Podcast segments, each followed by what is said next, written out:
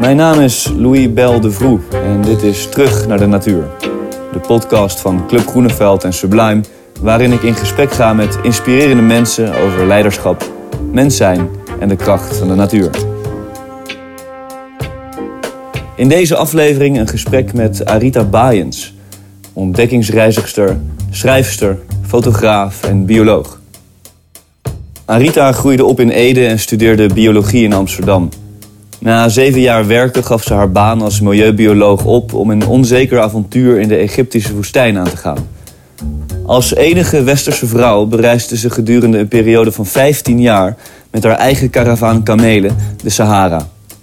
Daarna start de zoektocht naar het legendarische verborgen paradijs Shambhala en het Altai-gebergte. Volgt een lange expeditie te paard door moeilijk bereikbare gebieden vervolgens in Kazachstan, China, Mongolië en Rusland. Het zijn reizen die het leven behoorlijk op zijn kop zetten en tegelijkertijd juist ook op de rails. We hebben tijdens onze wandeling over de ervaringen van Arita, over keuzes, over het leven met onzekerheid, het volgen van innerlijke noodzaak, over bezield landschap en het beïnvloeden van de geest, over het met opzet verdwalen en uiteindelijk het belang van het ontwikkelen van een nieuwe taal. Het was tijdens onze wandeling vrij slecht weer en de wind laat behoorlijk van zich horen. Zeker vanaf minuut 55 is het gedurende zo'n 10 tot 15 minuten af en toe heel lastig te verstaan. Dus mocht je hier erg veel last van hebben, raad ik aan zo'n 10 minuten door te spoelen. Dan is de ergste wind voorbij. Echter, voor de doorzettende luisteraar is er denk ik veel moois te halen in de wind. En gelukkig, ook hier is er stilte na de storm.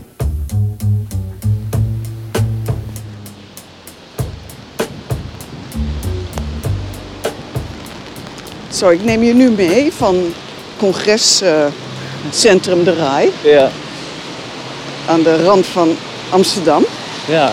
naar het Beatrixpark. En Beatrix Park.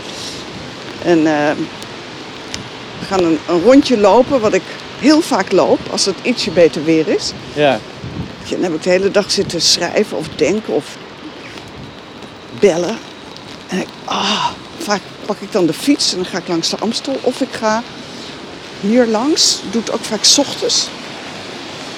En dat is zo te gek, want dan, als je hetzelfde rondje regelmatig loopt, ja. zie je heel veel veranderen. Zoals nu, hè, zie je die kleine geveltuintjes. Als je op de fiets zit, snel je daar langs. Je ziet het niet eens. Maar ik zie nu die vlinderstruiken uitbotten. En eh, ik weet niet van alles de naam hoor. Dit soort eh, begonia-achtige. Ja, dus als je de, je vingers eroverheen, Ja? dan geurt dat. Oh ja. Gera- Geraniumachtig. Heel lekker. Ja, heel lekker. Dan, eh, alsof, het, alsof er een thee van te maken is. Ik zou het niet meteen proberen. Maar eh, ja, weet je, als ik op reis ben, dan, dan ben ik heel fysiek bezig. Maar in, in Nederland ben ik vaak aan het denken. Ja. En dat hoofd, dat raakt dan helemaal op hol. Ja. En als ik dan een eind ga lopen, dan eh aard ik letterlijk weer. Ja, ja, ja, want je bent ontdekkingsreiziger. Ja, Dat, eh, ik bedoel, dat is een, een titel die je zelf, die je niet heel vaak meer hoort eigenlijk. nee. Nee, het Eh, is een, Sinds wanneer noem je, noem je jezelf zonder schroom ontdekkingsreiziger? sinds ik eh 30 jaar geleden met kamelen de woestijn in ben getrokken. En toen was dat echt nog als ontdekkingsreizigster. Want er wa- de kaarten van dat gebied in Egypte, ja, die waren in eind jaren 30 gemaakt door de Britse Survey, landmeters. Net voor de Tweede Wereldoorlog uitbrak. En dat, ja, die hele woestijn was eigenlijk blanco. Ja. Eh, af en toe oude karavaanwegen waren daarin eh, gezet. Dus er was nog heel veel te ontdekken. Ja. En eh, ja, voor mij hangt dat ook samen, tenminste destijds, met dat er iets op het spel staat. Want je weet niet waar de waterputten zijn. Je weet niet wat je te wachten staat. Je leest ergens iets over farao's, dit en dat. En dan denk je, ja, misschien kan ik daar nog iets van vinden in die woestijn. Oké, ja. Dus dat, snap je, als je dingen echt voor het eerst in eeuwen vindt of tegenkomt, Ja.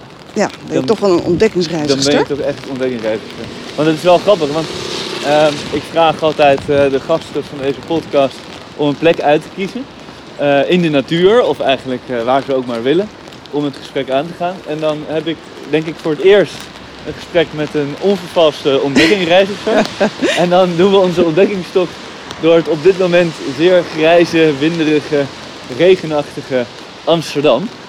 Ja, maar het, het leuke is dat juist door ehm, steeds plekken op te zoeken waar ik toch wel op het scherp van de snede eh, me beweeg, merk ik als ik die blik die ik daar heb, die neem ik toch ook mee naar Nederland. En eh, ik ben twee jaar geleden met een project begonnen in Nederland, Paradijs in de Polder omdat ik dacht, ik ga wel steeds naar Verwegistan om daar te onderzoeken hoe andere culturen tegen de wereld aankijken, hoe ze met natuur omgaan, wat, ja, waar ze tegenaan lopen. Maar uiteindelijk was mijn conclusie dat uh, als, ik, als ik iets goeds zou willen doen voor mensen die wat hulp kunnen gebruiken, daar ginder, moet ik hier beginnen in Nederland. Omdat wij toch een manier van denken en doen exporteren die neerkijkt op alle andere vormen van kennis. En uh, omgaan met bos, bomen, water. Dus toen dacht ik, oké, dan ga ik in Nederland aan de slag. En toen ben ik tot mijn grote verbazing toch ook weer heel anders naar mijn eigen stad, Amsterdam, gaan kijken. En ben ik een maand als ontdekkingsreizigster door mijn uh, stad, dus ook wat we nu lopen, ja. gaan reizen. En ik dacht, jeetje, dus ik ging vaak lopen. Ja.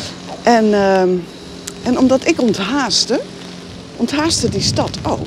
Dus meestal ben ik een duivel op de fiets, weet je. En nu liep en ik kwam heel vaak in gesprek met mensen. Ik zag overal groen. En daar stond ik dan bij stil en er zat ook vaak een verhaal aan vast. Dus ik dacht, jeetje, het is echt ook hier. Ja.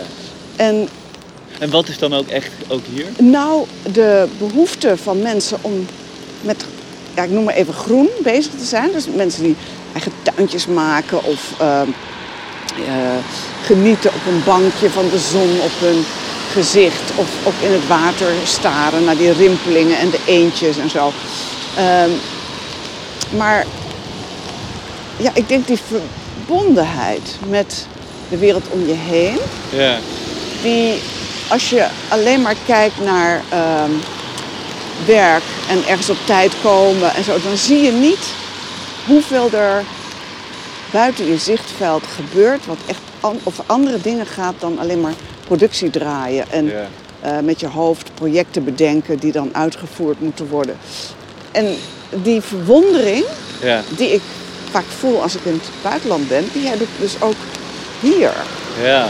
Mooi. En als ik nu hier loop, bijvoorbeeld, dan zie ik. eh, ja, ik, ik probeer dan te lopen alsof ik een haiku eh, wil eh, maken. Dat betekent dat je met een niet weten blik rondloopt. En je weet de woorden niet, de namen niet. En je kijkt gewoon naar de, ja, de verschijnselen zo- zoals die zich aan je voordoen. En dan word je Ja. soms getroffen door de beweging van ehm, een blad of een hommel die je volgt.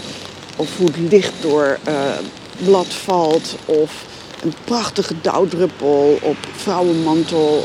Ik, ja. Ja. En dan kom ik echt niet zo ver, omdat ik steeds weer buig en kijk. En het is zo leuk. Kom, Zullen we dan, over. het feit dat we, dat we met elkaar in gesprek blijven, ehm, vanuit het haiku denken dit park instappen?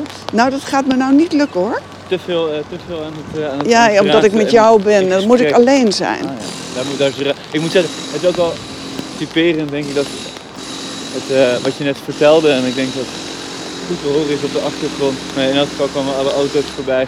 En wordt er rustig doorgeboord. Ja, Want wat je ook vertelde was, iedereen, hè, dus het is ook heel moeilijk om iets te zien. Ehm, of in die ervaring te zitten. Als je bezig bent met eh, op tijd komen, naar je werk toe gaan, eh, de kinderen. ehm, Ja. Dat is ook een vorm, je, je, je zit letterlijk ook redelijk dicht. Want je hebt heel erg gewoon een taak te vervullen. En het lijkt wel zo, ik denk dat we, de moderne mens misschien wel altijd een taak te vervullen heeft. Ook al is het zaterdag, ook al is het zondag, ook al is het avond, ook al is het ochtend. Nee, het gaat, het gaat werkelijk om eh, eh, oplettendheid. En die, die heb je ook tot je beschikking als je op de fiets naar je werk gaat. Of als je buiten een peuk staat te roken. Dus het, het, ehm, het is meer dat je jezelf toestaat om op, tijdens je lopen of fietsen ergens naartoe...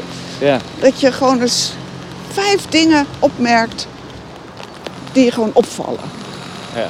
Snap je? Dat, Ja. ko- dat kost niks. Het kost Nee. geen tijd, het kost geen geld. Het En kost inspanning om uit je hoofd te gaan. Of uit je gedachten. nou, nee, ik zie het eerder als een spel. Eh, dan, zoals nu, er lopen, zie je die plassen hier?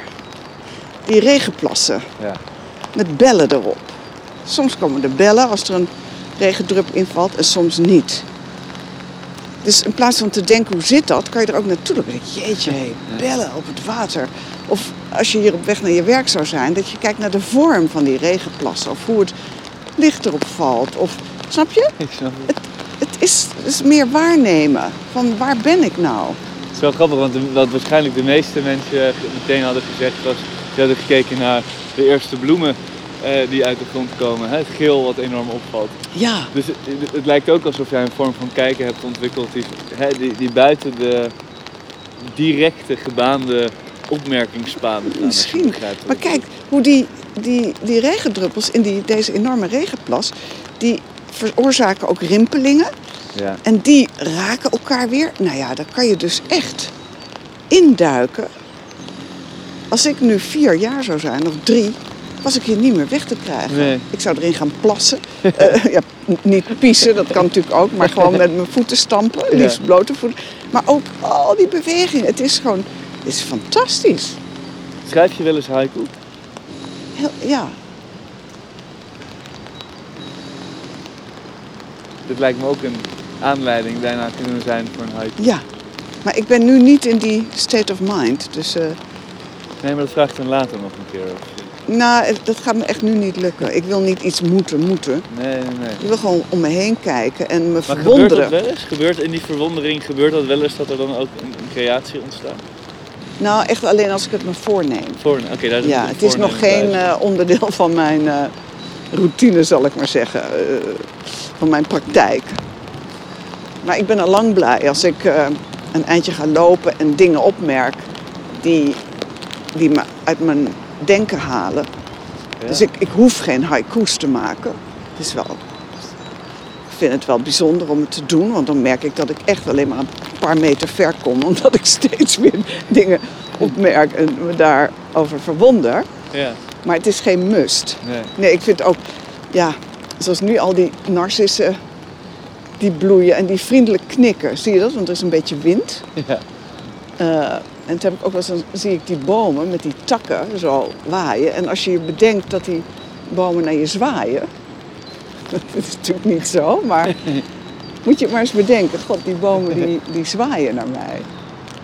Dan wordt het heel welkom hier. Ja,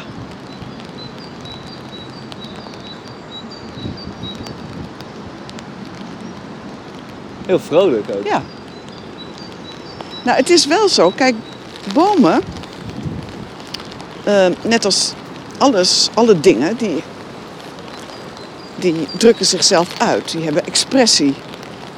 Eh, dus eh, de vorm van een boom, ik weet daar niet alles van, maar die zegt wel wat. Dat is mooi van de winter. Dan zie je heel erg eh, goed dat een eik of een beuk of een wilg, die hebben een heel andere vorm, een heel ander silhouet.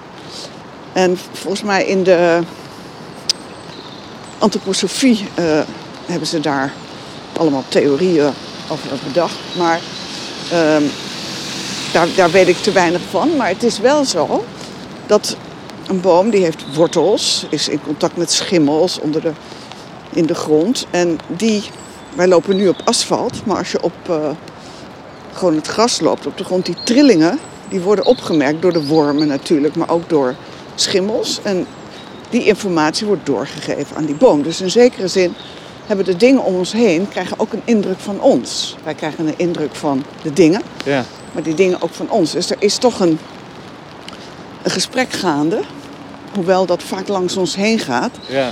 Maar als je daar iets meer van eh, bewust bent en ook gewoon observeert Ja. hoe bijvoorbeeld een uitzicht eh, je gemoed beïnvloedt. Of de omgeving waarin je loopt. Dat is zo ongelooflijk leuk. Maar ook merk je dan, verrek hé. De- Dat landschap is in gesprek met ons. Ja, ja. Ook al ben je er niet van bewust. Wij zijn aanwezig in dit park. Dus wij zijn aanwezig, wij zijn niet alleen ehm, soort van de producent of degene die het bepalen, maar de bomen en alles om ons heen, Ja. die zien ons ook. Wij worden ook gezien en ervaren. Dat? Die zien het verkeerde woord. En bijvoorbeeld als ik jou dit uitzicht laat zien, dat is, er zijn wat hekken, er is een kinderspeelplaats. eh, een beetje rommelig komt het nu over. Eh, of dit uitzicht waarbij je het paadje ziet verdwijnen achter de bomen. Je weet niet zo goed wat daar is, maar je ziet wel struiken en bomen. En ik zou jou vragen, waar wil je nou heen lopen? Dan weet je wel degelijk waar je heen zou willen lopen Ja. en waarom. Dus, ik wil maar zeggen, het, dat, dat spreekt tot je. En het leuke daarvan is, zonder dat je dan heel ingewikkeld iets hoeft uit te leggen, besef je dat, dat die elementen in dat landschap je of uitnodigen of afstoten, maar daar, ze doen iets. Ze brengen iets teweeg. Ja. En dat heb ik wel geleerd van eh, herders in eh, Siberië en, en nu ook in, in Papua en Nieuw-Guinea. Dat mensen daar zijn zo eh, in tune met dat landschap, omdat ze ervan afhankelijk zijn, hun beesten daar weiden of gaan jagen. Zij lezen werkelijk Ja. eh, zo'n plek. Ja, want, want ehm, je, je, je hebt wel een paar exotische plekken genoemd op deze wereld, maar je hebt ook al Amsterdam genoemd, waar je ook ontdekkingsreiziger bent geweest de Ja. afgelopen jaren. Maar zou je misschien in vogelvlucht ehm, kunnen vertellen, want je bent uiteindelijk ben je ook bioloog, maar de afgelopen 10 minuten, als ik de meeste mensen zou vragen, zou dit, was het een bioloog die je hoorde? Zou een deel toch niet zeggen meteen, ja. Ik ben een bioloog van likmevestje gewoon, nee, echt waar. Maar er is in elk Ik geval... weet nog, dat is een treurwilg, maar verder moet je niet gaan. Maar de taal die je gebruikt, eh, die zal ook wel degelijk zijn beïnvloed door, door, jou, door jouw ontdekkingen en door, door, door de reizen die je hebt gemaakt. Ja. Eh, Kan je vertellen, hoe, hoe, ben jij ooit, hoe ben je ooit geroepen door de wildernis? Ja, mens probeert dat dan daar de oorsprong van te vinden. Ik, ik weet het werkelijk niet, maar ehm, in ieder geval, ik kom van de Veluwe, dus daar hadden we heide, bos, heel veel ruimte om te spelen, ook altijd gedaan. En vanuit dat bos naar een woestijn is een krankzinnige overstap. Ja, Maar die, die woestijn, die, ja, die heeft me al, zolang als ik me herinner, En ik heb natuurlijk, eh, ik denk eind jaren 70, dus het gaat heel ver terug, kwam ik voor het eerst in de Sinaï-woestijn. En dat zal ik werkelijk nooit vergeten. Die enorme granieten bergen, rood en met groene panen. En eh, ik dacht, oh, het is echt zoals dat in de Bijbel beschreven stond, waar ik mee ben grootgebracht ongeveer, met uit de Bijbel eh, lezen en zo. En dat vond ik... Dat want, zo... want, hoe omschreef de Bijbel het? Nou, dan zag ik die etsplaten. Het volk Israëls, wat dan 40 jaar in de Sinaï-woestijn gezworven had nadat ze Egypte hadden verlaten. En eh, ja, als je dat van kinds af aan hoort, dat vond ik iets. Ik dacht, oh, die woestijn eng, weet je en groot. En dat ze het overleefd hebben. Ehm, maar toen, eh, eens even denken hoor. Toen heb ik een tijdje in Israël gewoond. Kom je al iets dichter bij die woestijn. Toen kwam ik ook in die Sinaï-woestijn terecht. En Dit toen, was na je studie? Nee, tijdens. Tijdens Want ik dacht, als ik wil reizen, moet ik het maar tijdens die studie doen. Want dat reizen, dat was duidelijk dat dat moest gebeuren. Nou, ach, nee, maar ja, dat, dat weet ik allemaal niet meer. Dat is zo lang geleden. Waarom zou je alleen maar in Nederland blijven hangen, weet je wel? Dan wil je toch ook een beetje iets van de wereld zien. En ik dacht toen nog, als ik straks een baan heb, dan gaat dat allemaal nooit meer gebeuren. Dus laat ik het nu maar doen. Ja. Ehm, en die fascinatie met die rauwe, dat rauwe, kale gebied waar niks kan groeien. En toch op sommige plekken water te vinden is en genoeg groeit voor kamelen om daar te kunnen leven. En voor Bedouinen om daar een weg te vinden en een, een bestaan op te bouwen. Dat vond ik zo intrigerend. Dat wou Ja. ik ook. Ik wou Daar niet zijn. nou, daar begrijpen. Dus ik, achteraf zou ik dat echt als een Alice in Wonderland wens eh, omschrijven. Van dat je een wereld in wil duiken die de jouwe niet is. Die zo onbekend is en zo genadeloos dat je echt moet weten wat je doet. Want je kan dan ook doodgaan. Maar die, ja, dat je door dat sleutelgat wil stappen, weet je wel. Van, ja, maar eh, dat geheim, dat wil ik, eh, daar wil ik achterkomen. Maar ik heb nooit in mijn jeugd dat in me gehad van, nou, het was wel duidelijk, dat zou een ontdekkingsreizigster worden of een grote wetenschapper of zo. Ik ben een beetje middle of the road eh, wat dat betreft. Dus waarom dat dan zo eruit is gesprongen en ik daar een moord voor zou hebben gedaan om dat gewoon te kunnen doen, dat weet ik gewoon niet. En maakt misschien ook helemaal niet uit. Wat, wat er is gebeurd is dat je het hebt gevolgd. Ja, inderdaad. En ehm, ja, het leuke was dan, ik, ik, ik denk werkelijk, als je geraakt bent door iets en je hebt daar een beeld bij en Ja. je voedt dat beeld en dat verlangen, Ja. dan gaat het gebeuren. ja. Dus eh, de kunst is dan om, om jezelf niet van dat pad af te laten brengen. Dus ik ben vele malen terug geweest om te kijken of ik iemand kon vinden die mij dan mee zou kunnen nemen en zou kunnen leren hoe je dan je in zo'n woestijn staande houdt. Want even voor mijn beeld, je, je, je- als het ware als Alice die, die, die nog niet eh, through the looking glass is. Ja. Eh, je, je zag het staan maar je, en je, je bekeek er een beetje naar, maar je, bent er nog niet, je ging er nog niet vol in. Nee, want ik was aan de, aan de, aan de aan de buitenkant. rand, hè, bij de, Ja. de Rode Zee. Leerde ik duiken. Dat was ook al zo'n heel eh, fantastische belevenis. En die woestijn die, die bleef naar mij kijken en die bleef lonken. Toen ben ik met Bedouin en zijn zoontje de woestijn ingegaan, een week. Geweldig. Maar dat was niet echt dat verdwijnen. En dat, dat had je ook meteen, je ging erin mee en dat was geweldig, maar je voelde, dit is het nog niet. Ja, nee, het was, eigenlijk was die Sinaï-woestijn te klein, achteraf gezien. Ehm, en, Ja. en toen kwam ik eh, echt na tien jaar zoeken en terugkomen. eh Egyptische fotograaf, een vriend van mij, die zei dat hij een Duitse kamelenman, die ja, ook gewoon al, al een half jaar per jaar door de woestijn trekt, die had hij leren kennen. En hij zegt, nou, misschien wil die jou wel meenemen. Ja. En die, eh, Carlo Bergman, en hij reisde door het vasteland van Egypte. Dus een veel grotere woestijn. Maar destijds, ja, je had geen GPS en geen behoorlijke kaarten. Dus weg was weg. Dat was echt verdwijnen. Ja. En ik heb hem opgespoord en hij heeft me toen meegenomen, een paar maanden, met kamelen. Maar dat was best een drama, want het was in mijn zeer feministische periode en ik vond het echt een, een rare man. En hij vond mij een zelfverzekerde stadse tuthola. Dus dat botste enorm. Ja. En uiteindelijk eh, ben ik alleen verder gegaan met één kameel. Dankzij deze onmogelijke man. En Omdat het zo botste, moest Ja. je wel alleen door. nee, dat was. Ik daar aan begin om dat te beschrijven, ben ik morgen nog niet klaar. Maar soms heb je mentoren die eigenlijk tormentors zijn, hè? Ah, kijk, ik heb nog nooit die combinatie gemaakt. Ja, Tormentoren zijn ook mentoren. absoluut. Want Als hij niet zo onmogelijk was geweest, dan was het gezellig met z'n tweeën. Ja. En was ik nooit alleen gegaan. Want En dat ik, was dus essentieel, dat je alleen die stap Ja. zette in, die, Ja. in, dat, in dat niks. ja, ik dacht, als die man dan maar weg is uit beeld, Ja. dan, dan beleef ik die woestijn zoals Ja, ik me en dat gedroomd heb. Dus. Nou, eh, toen ging ik alleen. Ik vond dat doodeng. Ik moest ook iets ondertekenen. Een briefje dat ik met eh, mijn volle verstand had besloten alleen verder te gaan. En eh, er ging van alles mis. En uiteindelijk dacht ik, ik ben gewoon helemaal niet klaar voor die woestijn. Ik had een soort romantisch beeld Ja. eh, dat als Carlo nou maar uit de weg was. En ik moet die ene kameel en dan in die woestijn. Maar die woestijn, die, dat werkt als een spiegel. Dus als dat dan eenmaal, als je dat dan voor elkaar hebt, denk je, ja en nu? Wat nu? Je kan, je kan daar niks leuks doen. Er is geen meertje, je kan niks onder. Het is gewoon een hele kale bedoeling en je moet lopen. Dit, dit.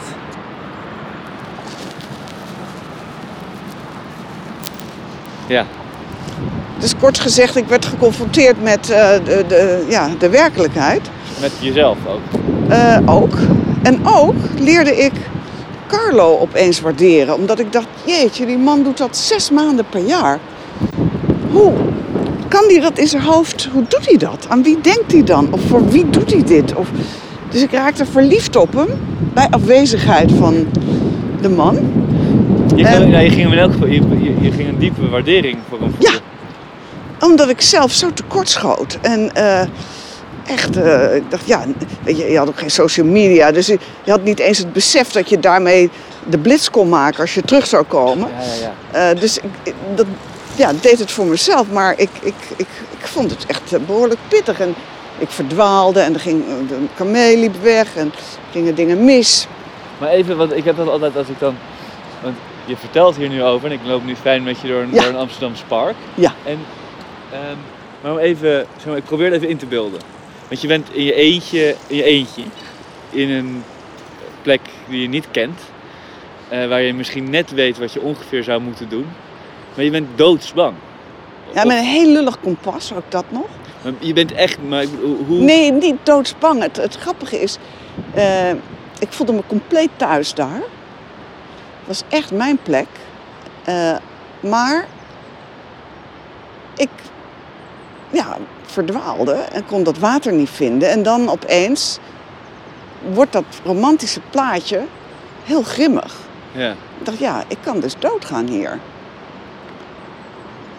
Maar ik, ja, god, het is natuurlijk heel lang geleden. Wat voelde ik dan? Ja, een soort paniek. Van jeetje, ja, ik moet een oplossing vinden. Ik moet doorgaan. Die kameel brulde de hele dag. Die miste die andere beesten, dus was ook helemaal niet gezellig. en, eh, maar je raakt dan in, je hebt zelf iets gecreëerd. Een setting waarin Ja. je dus kunt verdwalen of gelukkig kunt zijn of dood kunt gaan. En op een gegeven moment is dat je werkelijkheid. Dus je vraagt, ik vroeg me ook niet meer af, waarom heb ik dit in godsnaam gedaan? Nee, dit was het. Dus over het zijn gesproken, ik was daar werkelijk. Met alles wat, wat het... Dus ja, achteraf gezien kan ik dat alleen maar uitleggen als... Ja, dat, dat was mijn bestemming om daar te zijn. Alles heeft mij daar naartoe gebracht. En ik had blijkbaar iets uit te zoeken. Ja. Maar ik had ook dood kunnen gaan, ja. En dat was prima geweest. Nou, liever niet, maar eh, soms doe je dingen. Maar dat Mo- was prima geweest omdat je ehm, je volgde, en ik ga even het Bijbelse woord gebruiken, Ja. maar dat komt toch de hele tijd in mijn oproeping. Je werd Ja. echt geroepen door die woestijn. Ja. Dus, eh, als, die, eh, als dat dan nodig is. En die drang is zo sterk. Ja, ik weet dat als je gewoon nu lekker in je bedje ligt en je luistert. Dat je denkt, mensen is knettergek. Maar er zijn dingen die moet je gewoon doen. Ja. Ja. Wat ook de consequenties zijn. Dan heb ik het niet over mensen vermoorden. Maar over iets uitvinden. Over het leven. Over Iets- jezelf. iets- over... Iets volgen van, eh, van, van een stem in jezelf. Ja, en dat is, dat is niet bij iedereen zo. Maar bij mij was dat zo sterk Ja. dat ik dacht, nou ja, dan moet ik dat gewoon doen. Nou, en dat heb je dus gedaan. Ehm, en hoe kwam je daaruit? Wat was je... Nou, het, het is natuurlijk een te lang verhaal, Ja. maar laat ik het indikken. Ja. Ehm, ik heb eh, uiteindelijk mijn baan opgezegd als milieubioloog. Heb drie kamelen gekocht. en ben dus als ontdekkingsreizigster verder gegaan door het leven. En het is het beste wat ik ooit heb gedaan. Maar het was echt moeilijk, want je weet gewoon... geen geld, geen inkomen, geen pensioen. Eh, waar, moet het, waar moet de huur van betaald worden? Dus het is niet een leuk van oh en toen kwam alles goed. Nee, het was behoorlijk buffelen. Maar tegelijkertijd, ik volgde wel die drang die er was. En ja, ik denk ook die leven met die onzekerheid. Je weet niet hoe het verder gaat. Bijvoorbeeld, ik zei tegen mijn broer, die had een vaste baan en zo, en die vond het knettergek wat ik deed. Maar ik zei, ja, jij denkt dat je zekerheden hebt. Maar wie zegt dat jij niet morgen een hartaanval krijgt? Of dat de pensioenen eh, verdampen? Of weet je wel? Ja. Dat weet je gewoon niet. Nee. Ik kies voor die onzekerheid, dus ik leef ermee. Ik zeg, maar voor jou is eigenlijk alles ook onzeker, alleen je weet het nog niet. Ja. Je, je hebt hem... eh, je hebt hem soort van tot een illusie gemaakt, maar dat is helemaal niet zo. Je hebt hem tot de achtergrond Nou ja, ach- verdrongen misschien. Dat is misschien. Ehm, ik wil het niet verheerlijken hoor, want ik heb het soms best eh, lastig en ook wel eens paniek aanvallen. Omdat ik denk, ja, hoe moet dat straks met mij? Weet je, ik zie me dus echt onder een brug eindigen met een paar tasjes. En Nog steeds. ja, met een, misschien een oude videoband waar ik op sta met die kamelen of zo. Dat ik denk, oh ja, ooit.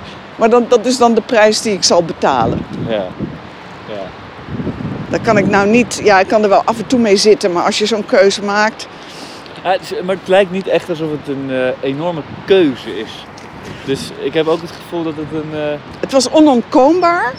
Even goed voordat ik die baan heb opgezegd. Ja, het is hier veranderd. Eh, ze hebben dat bosje weggehakt. Het is wel grappig, want dat bosje maakte dat je die gebouwen daarachter niet zag. Het is wel een- ook een soort. Ja, het leuke is als je het geluid van die snelweg nou niet meteen al eh, bestempelt als vervelend. Dan is het de zee eigenlijk. Vind je niet?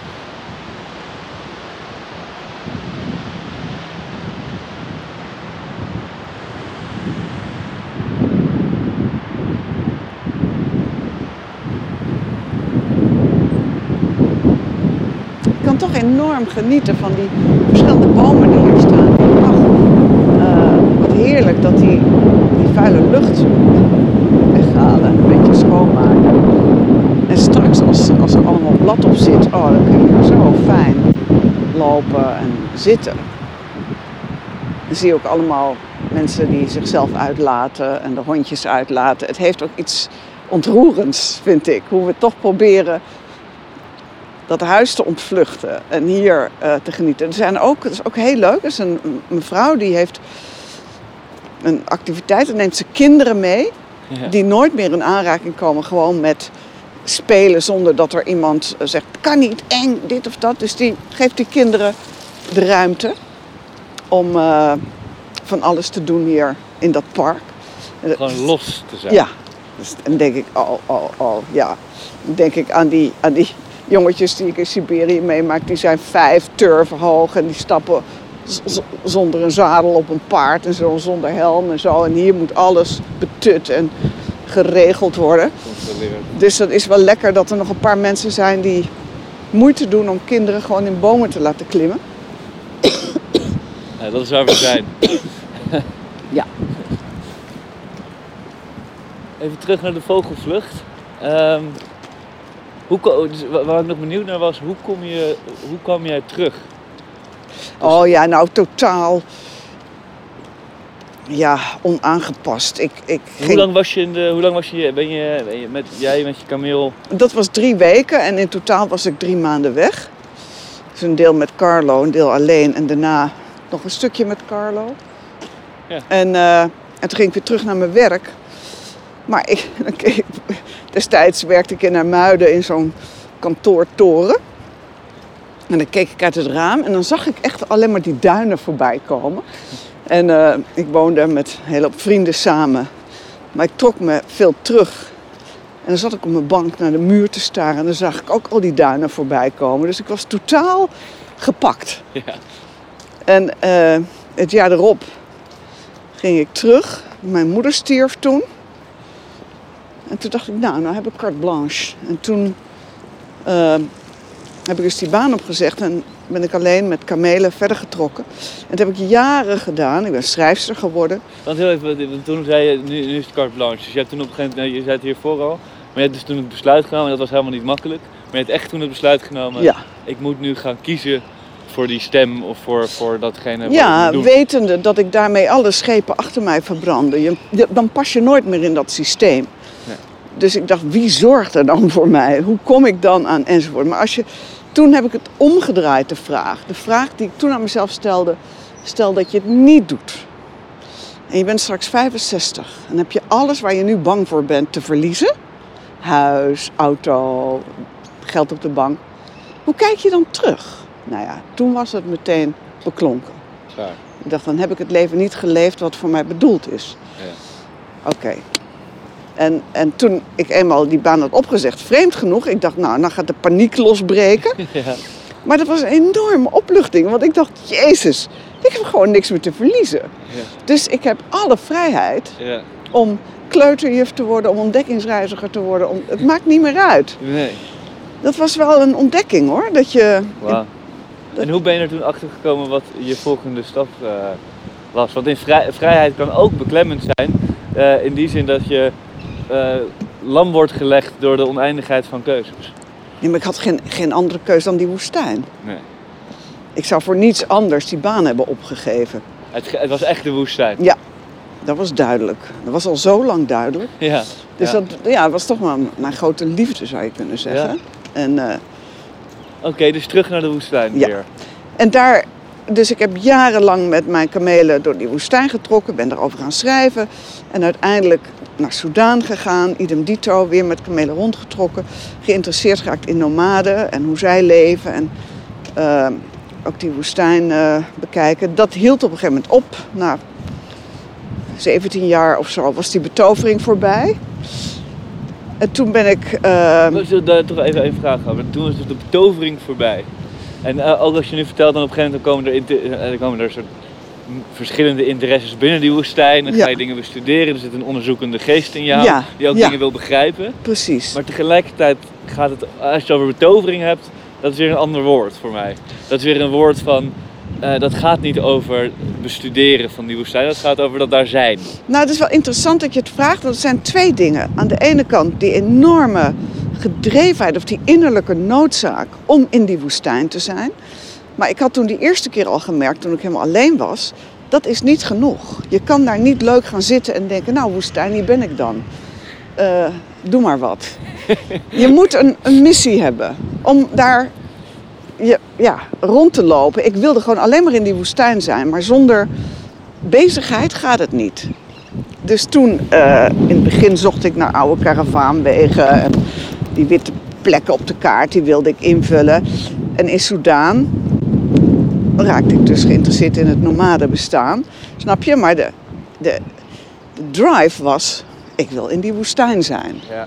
Ja. Maar dat leven is verdomde hard en zwaar en je loopt grote risico's. Dus als je niet die innerlijke noodzaak voelt om elke keer weer expeditie te organiseren, het geld bij elkaar te halen, de dood in de ogen te kijken, ja, dan gaat het niet lukken. Dus toen die noodzaak verdween, Ja. ja, ik noem dat dan maar betovering, of Ja. dat je in de ban bent van iets, omdat ik blijkbaar alle antwoorden had gekregen waar ik naar zocht, dan houdt het op. ja. Dan krijg je het niet meer voor elkaar. Nee. En dat was een tweede ontdekking. Dat ik nooit had beseft dat dat een cadeau is. Zo'n zo'n ja, obsessie of, of je dat niet ervaren. Nee, ik dacht dat kan iedereen vinden. Die mensen die zitten te ouwehoeren over... eh, God, ja, wat zal ik met mijn leven doen? Ik denk, ja, je moet even beter zoeken. Want eh, als ik het kan, dan kan jij het ook. Voor jou was het vanzelfsprekend. Ja, en toen ik het kwijt was, dacht ik, jeetje mina. Ik heb niet beseft dat dat gewoon echt een groot cadeau is. Als je dat hebt en als het weg is, Ja, dan weet je... Ja, ik wist echt niet met mijn tijd aan moest. maar ik wou zeggen, dat kan best wel, ik kan me voorstellen dat het best een crisis kan zijn. Want er zit ook een soort, hè, waar, waar je het over hebt, is iets ja, existentialistisch. Het heeft een, je hebt een doel, of je weet in Ja. elk geval waar je naartoe moet. Je Ja. hebt een plek. Ja, het was daar elke winter, weet je, als een trekvogel, lekker. En dan konden eh, partners schreeuwen of klagen of de familie of zo. Het interesseerde me niets. Ik moest gewoon gaan. En toen viel dat En weg. toen viel dat weg en toen stond ik, weet je, elke dag op met het idee, ja, wat zal ik vandaag dan doen? En dat vond ik zo'n afgang. Ik vond het wel interessant hoor, dat ik ehm, de weg kwijt was en gewoon somber. Dus ik dacht, nou, laat ik dat dan bestuderen. Maar na drie jaar was ik er helemaal klaar mee.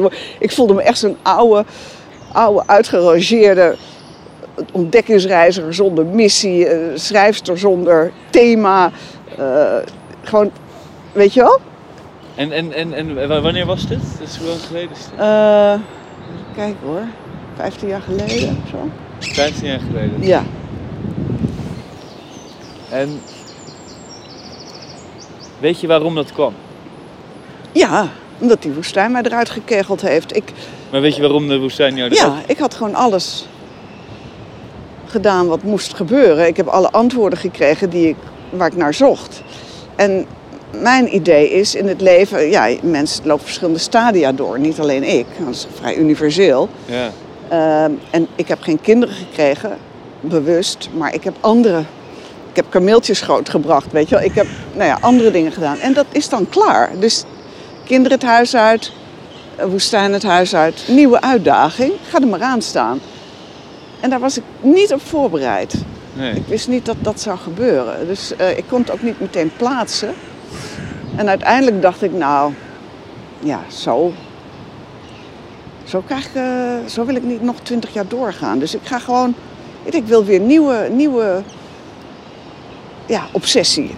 Iets wat mij voortdrijft, wat ertoe doet. Ja. Maar dan kan je niet naar een supermarkt gaan en zeggen, doe mij maar een pakje, weet je? Dus toen dacht ik, hoe vind ik dat dan? Dacht, ja, het enige is dat ik mij weer blootstel aan een plek en een cultuur. En dan maar hopen dat het gebeurt. Maar ik kan je niet zeggen, echt, het voelde als zo'n totale sof dat ik moest zoeken naar betekenis. Of, het was, ik, ik ging toen naar Siberië, maar heel te neergeslagen. Echt zo'n verbitterd iemand die gewoon.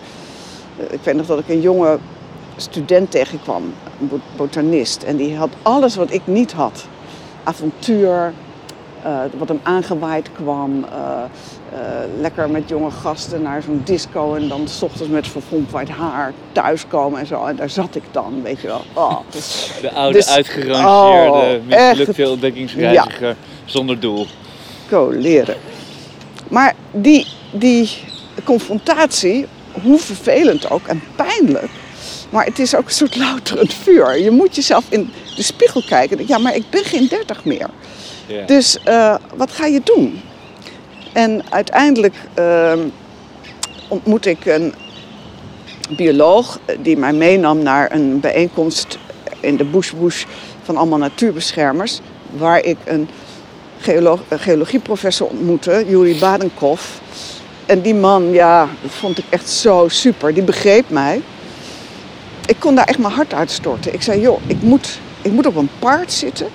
Ik moet een missie eh, van A naar B. Het maakt niet uit wat het is, als ik maar van de straat ben. Het moet heel lang duren.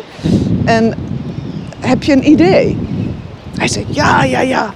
Dus hij kwam dus met een fantastisch idee over dat in die streek waar ik was, daar is een legende over Shambhala, een boeddhistisch paradijs, wat zich daar zou bevinden. In werkelijkheid. Wat voor dus paradijs? Shambhala, Ja? eh, een boeddhistisch, eh, Boeddhistisch paradijs. paradijs. Ja. En hij zei, daar is echt naar gezocht en niet door de minste. Ehm, misschien kan je daarnaar op zoek. Dus toen dacht ik, dat is toch geweldig. Dat je op zoek gaat naar iets waarvan je overtuigd bent dat het niet bestaat. Maar wat wel een reden is om op stap te gaan. Want dat, dat paradijs zou zich dan bevinden tussen ijzige bergpieken. Vrij onmogelijk om te vinden, behalve als je zuiver van ziel bent en dat paradijs de poorten opent. Het is eigenlijk, zou dat paradijs in dezelfde gebied thuis horen als waar sneeuwluipaarden zich bevinden. En die zijn er ook daar. Dus ik dacht, dan zeg ik gewoon tegen die headers dat ik naar het sneeuwluipaard zoek. En dan gaan we op stap. En dan moet ik maar kijken wat er gebeurt, wat ik tegenkom, of dat paradijs bestaat of niet. Ja. Maar ik had weer een missie. Ja, bijna een mythische eh, missie. Ja. En dat, dat vrolijkte mij wel op. Eh, Kijk, hier staan de krokussen ook, of wat is dat? Iets paarsigs? Nee? Ja. Nou, dat is een duidelijke krokus, maar dit is Welke? deze. Dat zullen- eh, ja. Paars met eh, die oranje meeldraden. En dit is meer een stervormig iets. Ja, met gele. Moet ik eens opzoeken. Of er gewoon naar kijken. Ja, maar ja, soms wil ik ook wel de namen. Maar het is inderdaad waar. Als je ernaar kijkt, dan zie je die dauwdruppel hier zitten. Ja. Ja, als je nu, soms heb ik ook een loepje bij me. En dan, of ik probeer het te zien zoals een insect het zou zien. Die zien andere kleuren dan wij. Maar dat is toch, dat vind ik zo ontroerend. Die, bloemen, die bloeien zonder dat ze daar een bedoeling mee hebben eh, naar ons toe. Willen helemaal niet de beste zijn of eh, op Facebook. Of, eh, ze, zijn er gewoon. Ik denk dat daarom zo fijn is om buiten te zijn. Dat je even al die onzin achter je kunt laten. Het is een ontmoeting tussen de bloemen en eh, mij. Niks moet. Nee, Ontmoeten. ja, ja. Dus je had weer een missie Ik had weer een missie. en je, werd, je kalifate er weer wat op. Ja, en eh, ja, ik vind het heel leuk. Onmogelijke missies die zijn helemaal aan mij besteed. Maar was dit hetzelfde gevoel als... Want dit is toch een meer ge, hè, vanuit een soort geëxternaliseerde missie. Dus hij voelt wat... ehm Nee, ik was nog steeds. Dit was bezigheidstherapie. je hebt gezegd, voelt wat artificiëler. ja, ja, het, nou ja, ja, inderdaad. van meer van buiten naar binnen in plaats van, van dat hij echt ten diepste vanuit jezelf Nee, echt bezigheidstherapie. Van Ja. de straat af, Ja. eh, iets kunnen regelen, doen wat Ja. heel moeilijk is en zo. En, eh, maar al, aldoende wist ik gewoon, er gaat dan wel iets gebeuren. Ja. En, je zette jezelf in de omgeving, in de omstandigheid die jij wist die nodig was. en uiteindelijk heb ik, eh, dat kostte wel een paar jaar, maar eh, kwam ik erachter, ik wil geen obsessie meer. Want die, eh, het- fijne van, ik noem dat maar even een obsessie, maar van een innerlijke noodzaak is dat je, niemand kan je ervan afhouden. Niks en niemand. Maar het stoot dus ook af, want de mensen die niet mee konden in mijn manier van denken en leven, die, daar had ik even geen boodschap aan. Dus die, die verdwenen. Samenwerking is ook verdomde lastig. En toen dacht tegen die tijd was ik iets van 50. Toen dacht ik, jeetje, moet ik nou... Hé, kijk, dit is klein hoefblad. Er komt eerst, eh, eerst die bloem en dan later dat blad. Wel- Dus ik kwam als eerste zo'n beetje op. Oh, dat is hetzelfde. Ja, Een soort anemoon bijna. ja, nee. Is het dan weer niet, maar Dat begrijp ik. schattig, hè? Ja, mooi is hij. Schattig is niet het woord. Het is best een robuuste... Ja, robuuste, ja, hoe moet je dat nou beschrijven? Het is geen pluim, het is een verzameling van bloemetjes. Maar ik zie geen insecten, want het moet toch bevrucht worden.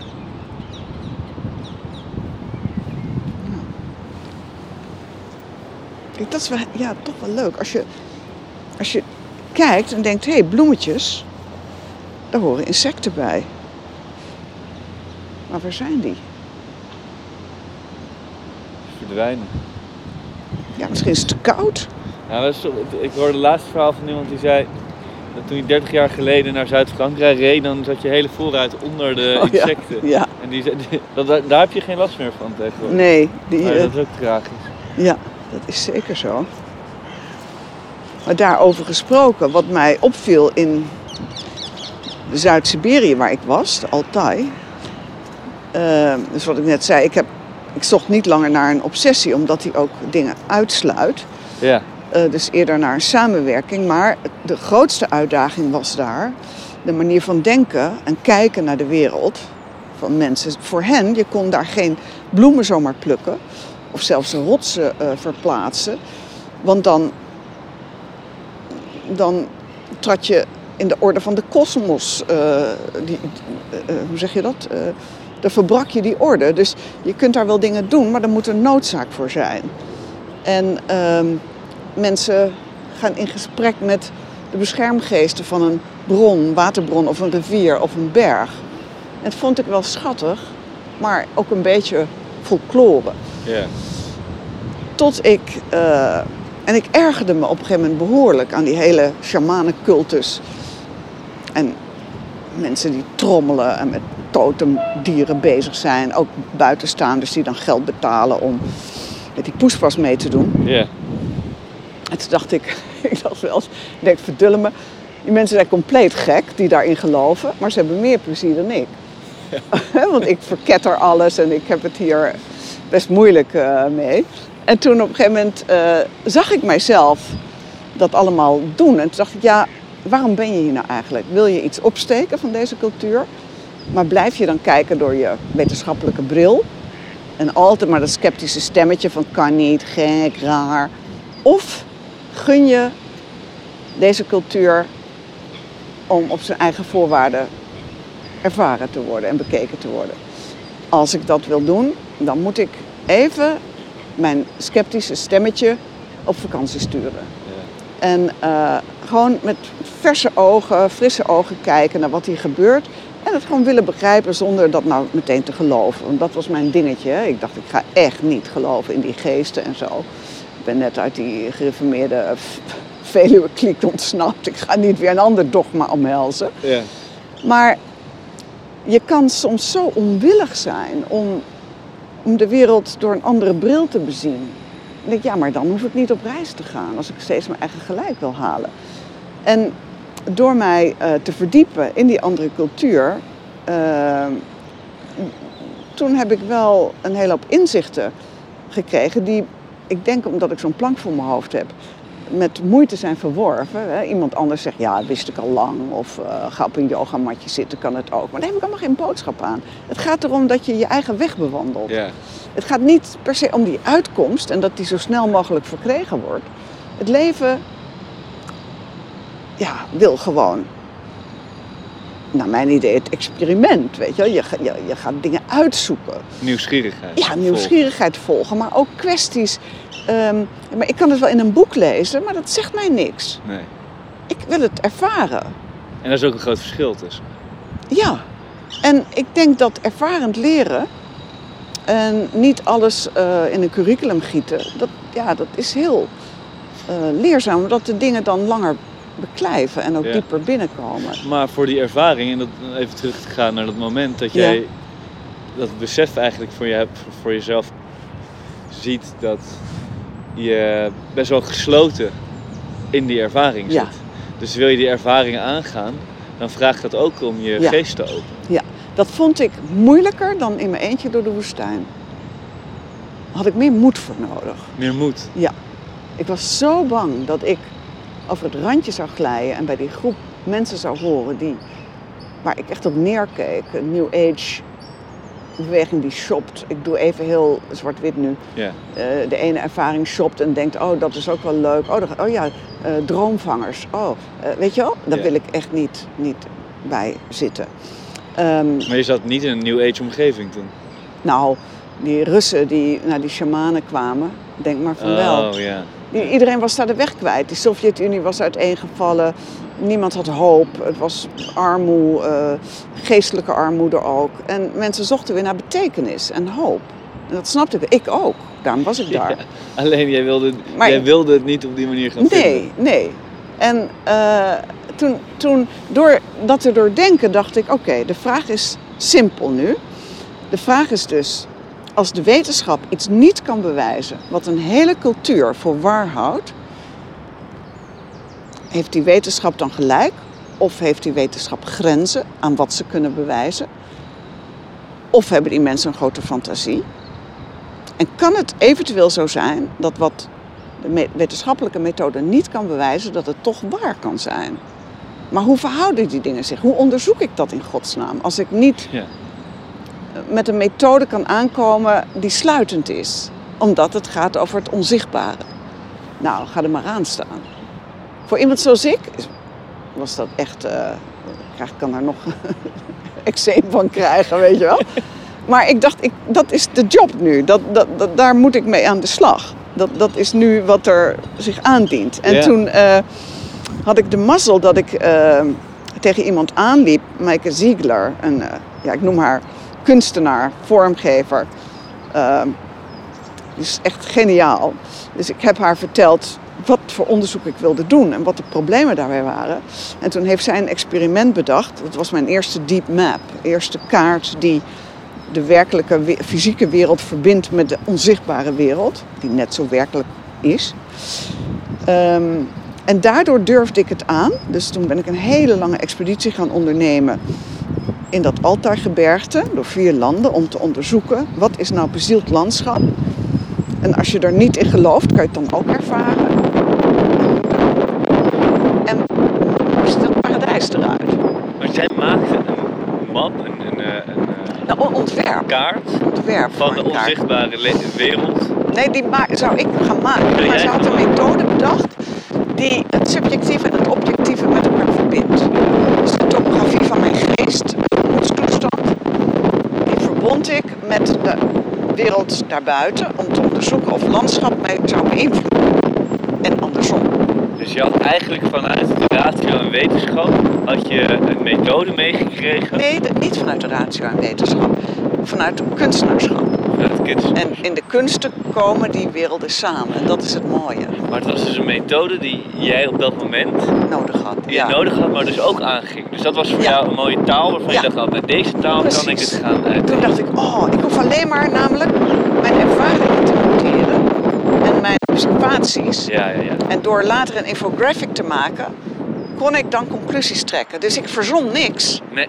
nee. maar ik nam die ervaring serieus. Precies.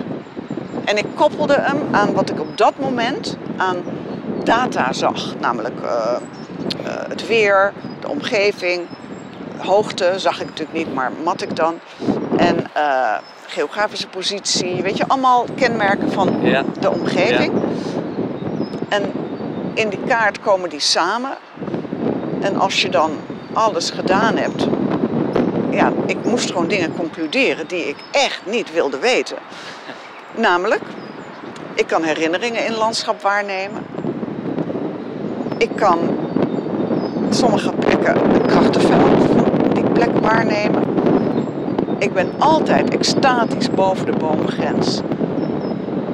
Het heeft niks met het weer of mensen of zo te maken. En anderen in mijn gezelschap niet. Eh klote momenten.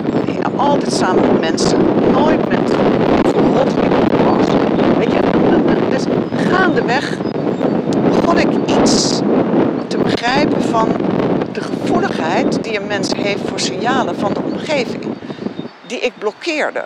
Dus ze kwamen wel binnen, maar ik wou daar gewoon niet open voor staan. Dus op het moment dat je.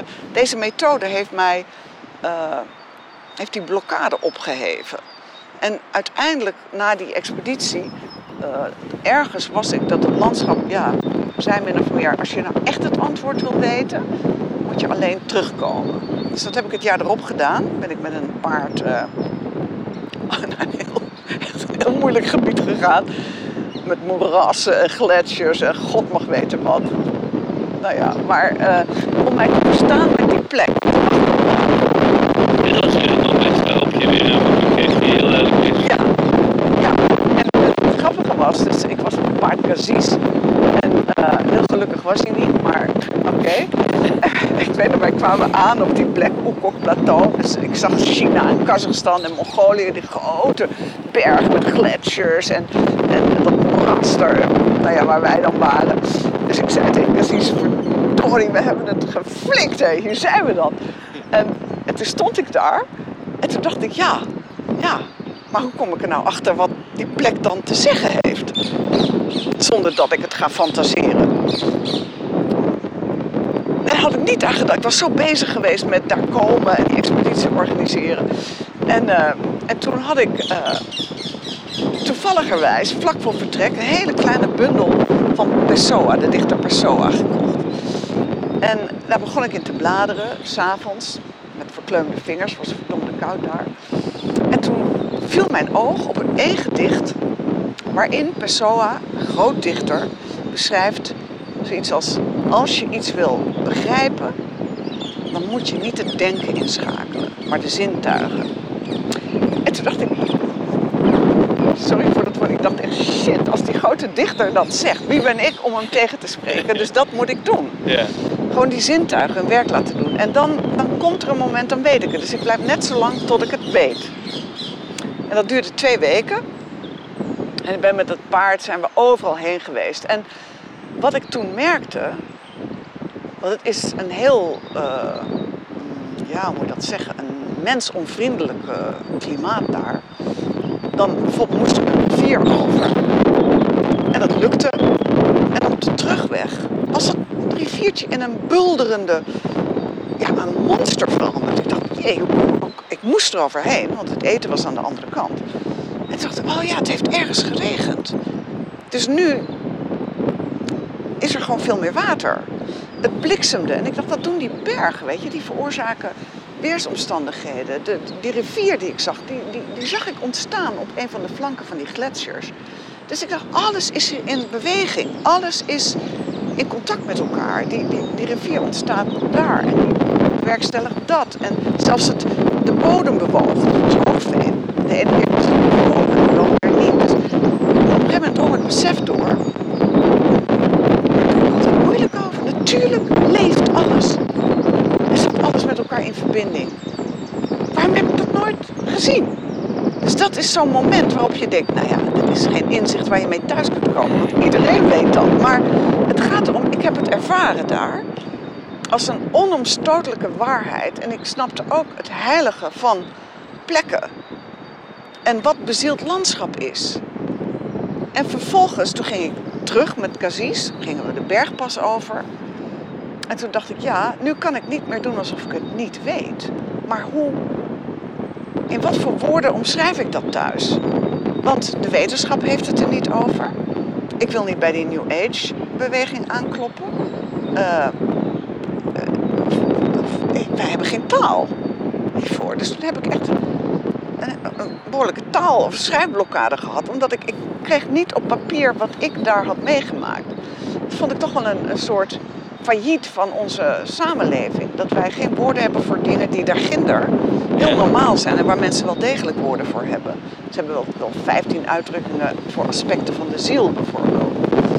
En... eh, Maar wij hier in het westen. Nee, is, ja, maar nee, dat is zo'n duizend dingen doekje, weet je wel. Daar kan je van alles mee doen. En niemand weet eigenlijk waar je het over hebt. Nee. Net als bewustzijn, dat is ook zo'n term of natuur. Ja. kom je er gewoon niet mee.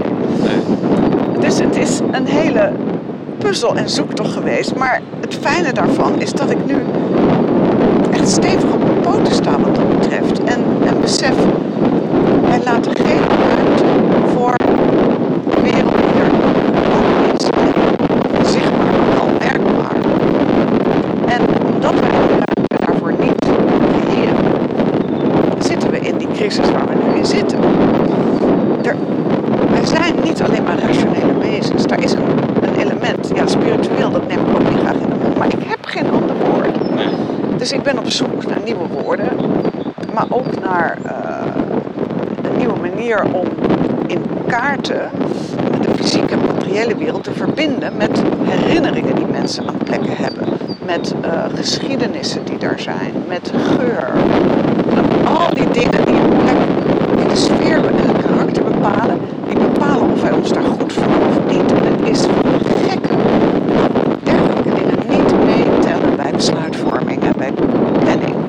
Maar ik merk er is een kentering en er is wel degelijk aandacht voor dit soort zaken. Dus ik ben nu met de ambassade van de Noordzee ga ik samenwerken voor de toekomst. En, eh, maar ook met landschapsarchitecten en, en onderzoekers design en Eindhoven. Weet je, zijn we echt bezig om een nieuwe taal te ontwikkelen, waardoor je eh, zowel met beleidsmakers, met planners, maar ook met burgers die moeten participeren van Den Haag. eh, nu er nieuwe eh, plannen ontwikkeld moeten worden voor windmolenparken, zonnepanelen, eh, woningen. Maar hoe kunnen burgers, bewoners in gesprek komen met een beleidsmaker die gewoon technisch jargon Ja.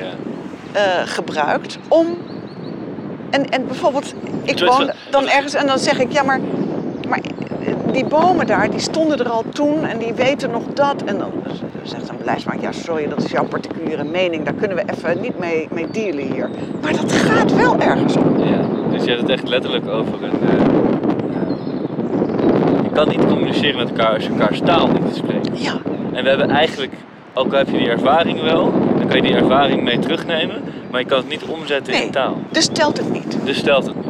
Ja. Net als op de kaart. Moet je maar eens opletten als jij een kaart ziet, van een gebiedskaart, wat er niet op staat. Daar mag namelijk niet over gesproken worden. Maar iemand heeft dat bepaald. En dat ben ik niet. Ja. Dus ik wil graag met mensen kaarten maken Ja. van de omgeving zoals ze hem ervaren. dat is ook een werkelijkheid. En die leggen we dan naast die andere werkelijkheid. Kaarten zijn niets anders dan een projectie. Ja. Een set van conventies, maar nooit de werkelijkheid. Ja. Dus als er verschillende werkelijkheden zijn, wiens werkelijkheid telt dan meer dan die van een ander en waarom? Dat zijn zulke leuke vragen. Ja. Ja. En als je daar met elkaar over kunt hebben zonder dat je stelling neemt, maar eerder uitnodigt, weer hè, met verwondering kijkt naar, jeetje, ja, ze hebben het nog nooit bedacht. Eh, er moet natuurlijk een besluit genomen worden, ook op economische gronden, weet je, al die dingen zijn belangrijk. Maar als het transparanter is, als ook de dingen waar mensen hun hart en ziel aan verbinden mee mogen wegen, dan kom je tot een betere, ja, ik denk een betere afweging. Ja. Maar denk je dat, als ik nou, jouw verhaal, hè? Het is best wel, je- bent eh, geroepen door de woestijn op een jonge leeftijd. Nou, eh, ik vind Spannende dat... termen, spannende nee, termen, ja, da- daar word ik inderdaad een beetje ibelig van, hoor. ja. Ik werd niet geroepen, zo voel ja, dan hebben mensen de verkeerde associaties. Dat begrijp ik, maar dit- dus dit is ook wel taal. Zullen we het een- even opnieuw ja, proberen? Dus die innerlijke noodzaak Je had een innerlijke noodzaak om naar die om woestijn, naar die te, woestijn gaan. te gaan. Ja, Daar heb je bijna twintig jaar ehm, ben je daar geweest. ja. Ehm, maar toen heb je nog niet per se de taal ontwikkeld of de ervaringen gehad. ehm, waarbij je ook los bent gekomen van die ratio. Je was altijd nog daar. Je, je voelde dat het goed was. Het was goed daar. Ja, het interessante is dat in die woestijn heb ik natuurlijk heel veel ervaren en ontdekt. Maar met mijn achtergrond hè, van de Veluwe wilde ik daar geen spiritueel woord aan verbinden. Mensen vroegen altijd, heb je daar God gezien? Of heb je... Nee, Ja. nee, nee, nee, nee. Ehm, dus het was een... Ik heb wel ervaren dat identiteit niet bestaat. En, en dus er zijn allerlei zekerheden opgegraven. Maar het, dat ging nog steeds over mijzelf. Ja. Maar je wat- liet het ook in zekere zin niet toe. Nou, nee, ik gaf het gewoon geen naam. Ik liet het wel toe. Je kan daar niet twintig jaar leven en, en gewoon eh, een masker ophouden. Ik kwam daar heel veel te weten, maar in Siberië had ik met een cultuur te maken die iets beweerde waarvan ik dacht, ja. No Hè, way. En in die woestijn waar ik was, daar was gewoon niemand. Dus niemand kon mij tegenspreken. Ik, Ja. ik, ik was je alleen... zat daar in de ervaring. Maar je hoefde daar verder Precies, niet. dat is een mooie, mooie omschrijving. Ik hoefde niemand daar rekenschap van te geven. Nee, en je, kon ook, je hoeft ook niemand af te rekenen met hun ervaring. Of Nee, de manier waarop zij keken, want die waren er niet. Nee, was ik in de woestijn en ik was die woestijn. Ja, ja, ja. Dus je was daar in die En dan kwam ik weer hier en dan was ik hier. Ja, ja. Oké, en toen kwam het dus het moment dat je in, in, in een, weer een nieuwe omgeving kwam. Ja. Eigenlijk weer een nieuwe woestijn. Waarin bepaalde mensen zeiden, ja maar dit is, een, dit is de ervaring waarin ik zit. En Ja. jij dacht, no way. dat is niet de manier hoe ik het ervaar. Nee, maar ik dacht echt, die mensen eh, hebben een fantastische eh, uitleg. Ja, Maar ze komen er nog wel. ja, ja. Dus ja voor precies. mij was ja, de, wetenschap is de enige manier om... En je hebt eigenlijk de andere weg bewandeld. Ja, Je bent eigenlijk de andere weg bewandeld. ja.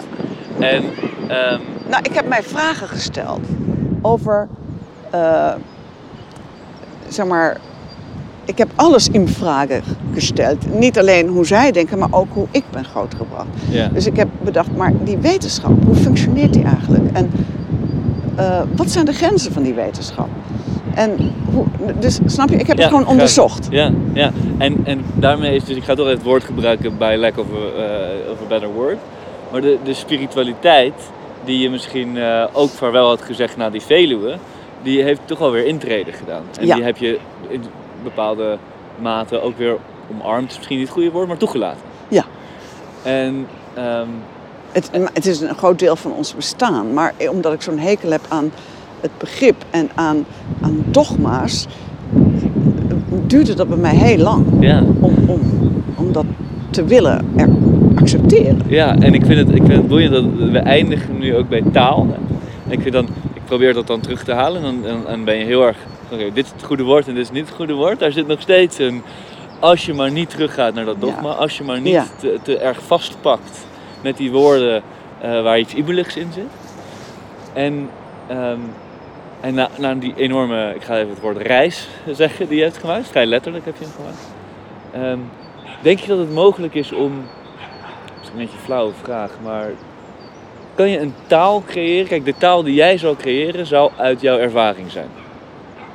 Zou uit jouw, de, de taal die je in Siberië tegenkwam was een taal die uit de ervaring kwam. Kan je een taal begrijpen als je niet deelt in de ervaring waar die taal vandaan komt? Nee, die kan je niet helemaal doorgronden. Nee. En dat is heel jammer.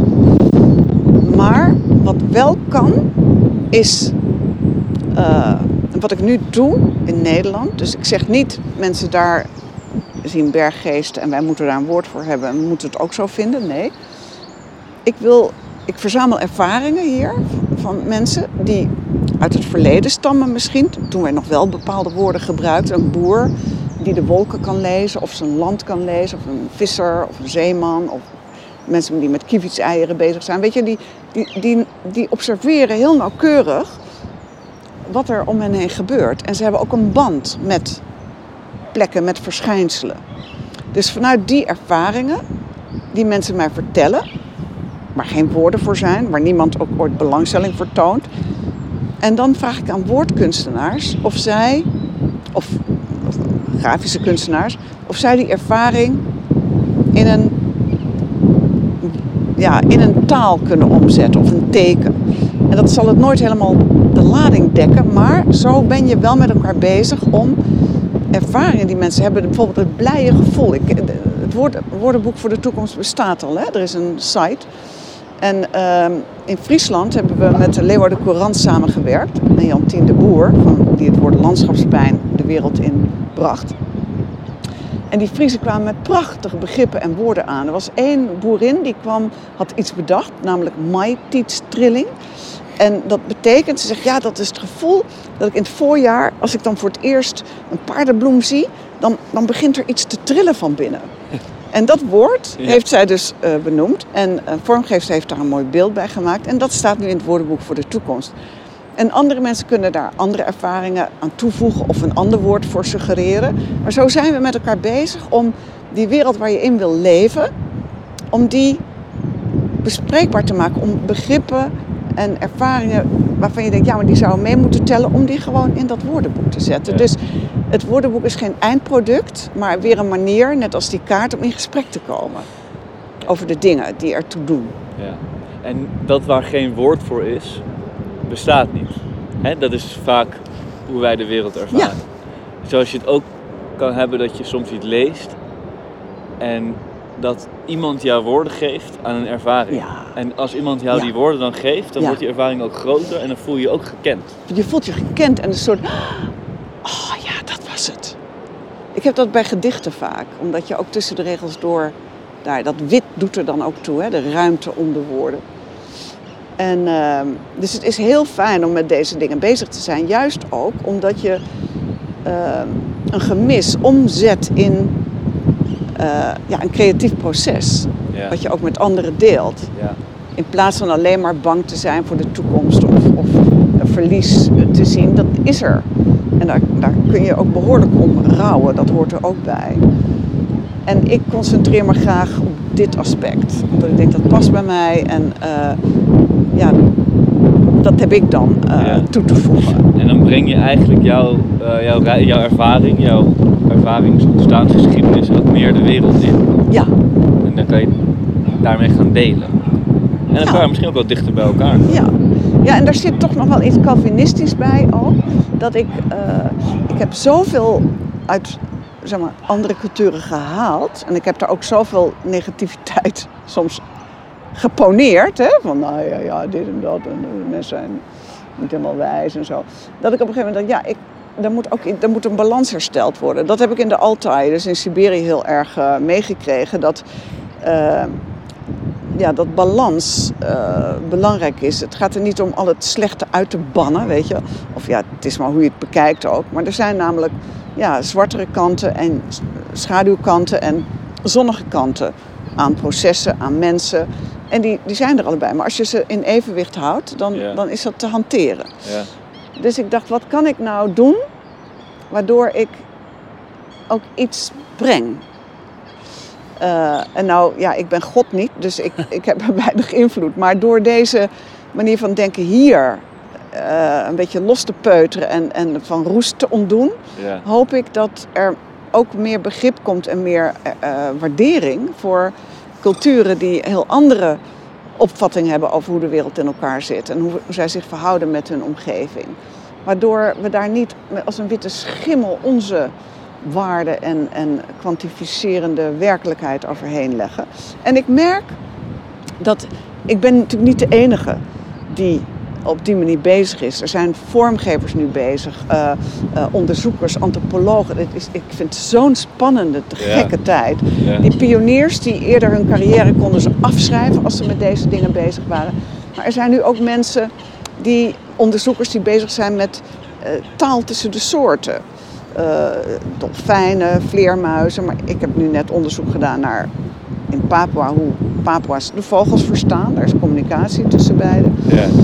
Dat, dat, dat kon je gewoon een paar jaar geleden niet mee aankomen. Dat Nee. wordt nu wel serieus genomen.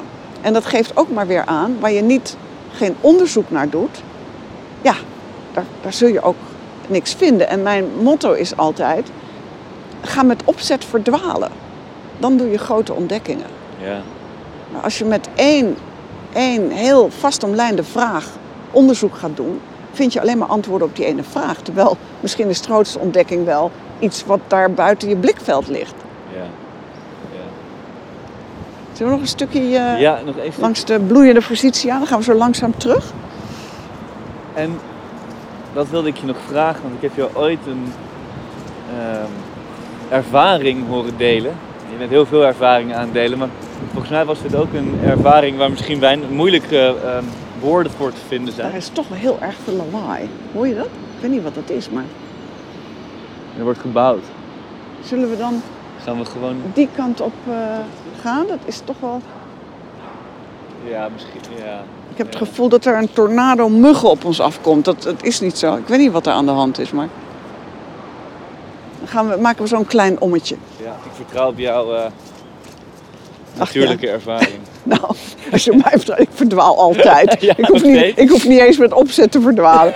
Nee, Ja, mensen, ma- lekker makkelijk dat dat jouw motto is. joh, het is zo grappig. Dan gaan mensen met mij op stap. En die denken dan dat ik een soort scout eh, in het kwadraat ben. Maar het is echt niet. Het is een godswonder dat ik nog levend eh, hier rondstap. Maar dat heb je niet. Je bent niet tot een soort. eh, je hebt niet een eh, zesde, zevende zintuig Nee. ontwikkeld. Nee, Van, Nee, en de grap is toen ik eh, op expeditie ging door de Altai, die 100 dagen, om te kijken of ik bezielde natuur kon waarnemen. Mijn toenmalige partner Wayne, die kan heel goed navigeren. En die, ja, die, die sprak heel denigrerend over mijn navigatiekunsten. En die, die zei, en hadden we zo'n kaart van die bergen. Maar voor mij is zo'n kaart, gewoon, het zijn platgeslagen bergen. Ik snap daar niets van. En, en dan zei hij, ja, eh, en toen zei ik tegen hem, ik zeg, moet je eens luisteren. Jij denkt dat Noord op die kaart, dat dat echt het noorden is. Ik zeg, maar het slaat nergens op. En toen hadden we een hele discussie over kaarten en, en over werkelijkheid en hoe je die kan weergeven. En ik zei, omdat ik niet pas binnen dat frame van die cartografen, ja. wil niet zeggen dat ik stom ben. Het wil zeggen dat zij die wereld zo weergeven dat ik er geen touw aan kan vastknopen. Dus dat is niet mijn fout, maar mijn geest werkt anders. Dus ik teken een ander soort kaart. En die is net zo waar als die kaart van jou. Nou, maar goed, eh, Maar- maar, zo is het ook. ja, maar dat vind ik dan wel interessant. Hoe ben jij in leven gebleven? Want ehm, Ja, dat is, dat is eh, eh, levensdrift. Hè? Want als je dus steeds verdwaalt en niet goed. ja, ik kan wel heel goed navigeren, maar vooral op kaarten waar niks op staat. Eh, want dan kan ik dus ook niet van het pad afraken. En met een kompas en een horloge, dus op de ouderwetse manier, kan ik fantastisch navigeren. Maar in de bergen, dat is een ander verhaal. oké, ja. En ehm, Net precies, maar ik wil zeggen, je zal wel vaak verdwaald zijn, maar je bent hier toch. Ehm, Ja. Dus je, je vond, eh, dus over taal gesproken, misschien verdwaalde je in de, in de, eh, in de, in de taal van kaarten. Maar misschien wist je op een andere manier donders goed waar je aan het lopen was. nee, echt niet. Probeerde ik het nog even goed te maken voor je. Nee, het is.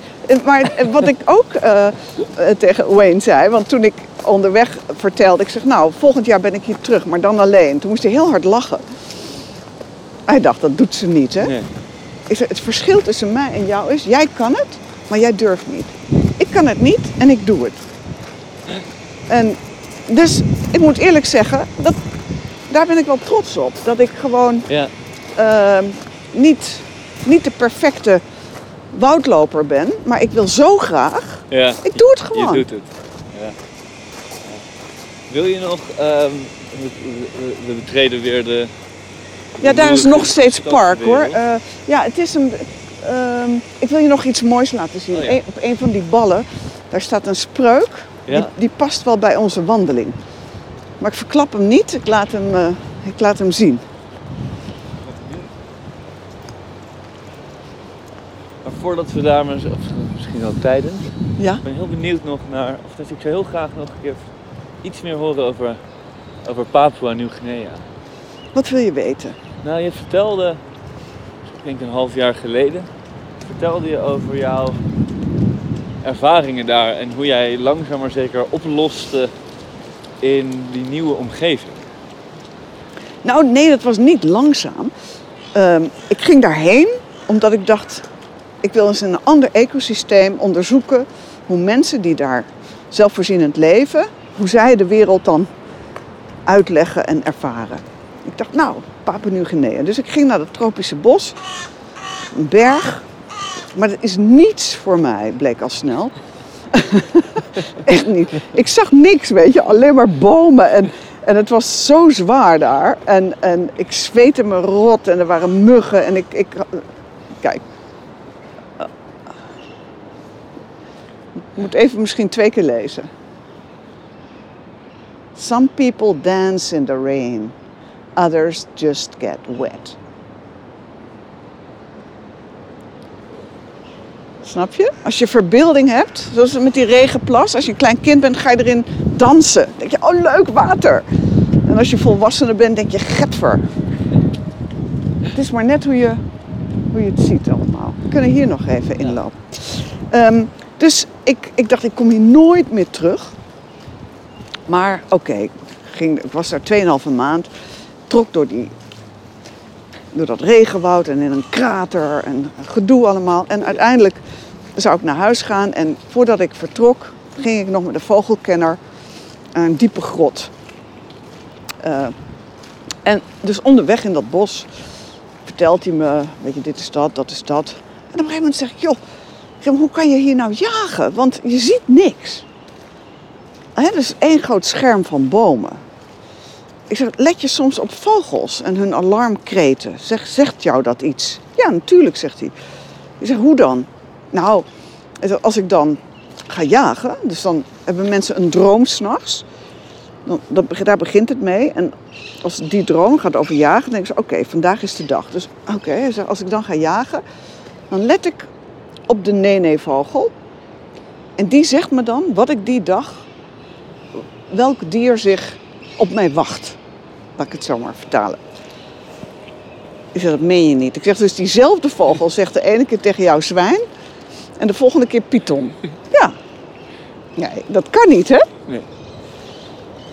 Maar ik heb geleerd dat wat ja, een cultuur die daar recht van spreken heeft, wat zij zeggen is waar, tot ik het tegendeel kan bewijzen. Dus ik dacht, oké, Dit was na Siberië, ja, dus je had al... dit was drie jaar geleden. Ja. En, en, en toen, dus wij liepen verder en zei hij, hoor je deze vogel? En ze was zo, oeh, oeh. Zei, die roept mij. Hij zei, dat is waarschijnlijk mijn vrouw, overleden vrouw.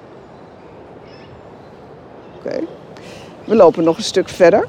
Ik zeg, wat zegt deze vogel dan? En er kwam altijd wel een antwoord. Soms was het een vogel die niks zei. En op een gegeven moment was er een vogeltje. Hij zei, oh, deze zegt ehm, dat de rivier gaat overstromen. Dat gebeurde ook. En, en wat, er, wat, wat er bij mij gebeurde, dus op een gegeven moment besefte ik... Ik denk, oh, oh, ik heb hier nu, loop hier al twee maanden met dat bos te vechten. En ik zie gewoon die boomstammen als een scherm. En, en ik moet ruimte, weet je, ik moet ver kunnen kijken. Dus ik voelde me daar compleet claustrofobisch. Ik denk, maar deze mensen lopen in een, ja, een soundscape. Die zien die, die, die lopen hier heel anders. Zij horen die vogels, dat zijn hun maatjes, die vertellen dingen. Ze horen het geruisen van de bergrivier en weten dan, oh, dat is die rivier, dus dan ben ik nu ongeveer hier. En, en echt dat bos week en ik, ik, ja, ik had het idee dat ik in een grote concertzaal was. En ik voelde me bevrijd. Ik, ik voelde niet meer die, eh, die druk van ik kan nergens heen kijken. Ik was in een grote ruimte van klank. En ik dacht, hoe dom, hoe blind kan je zijn? Dat ik hier nu al twee maanden rondloop, dat ik niet heb begrepen dat ik in een andere wereld rondloop dan zij. En ik denk, als, als, als Albert zegt dat, dat zij die vogels kunnen verstaan, dan moet ik gewoon terugkomen om daar iets meer van te begrijpen. En zo ben ik onlangs weer teruggegaan om uh, te achterhalen hoe dat dan zit met dat uh, spreken van die vogels en de mensen. Maar betekent, is dan zo'n moment, is dan ook een moment dat je je op je plek gaat voelen dan?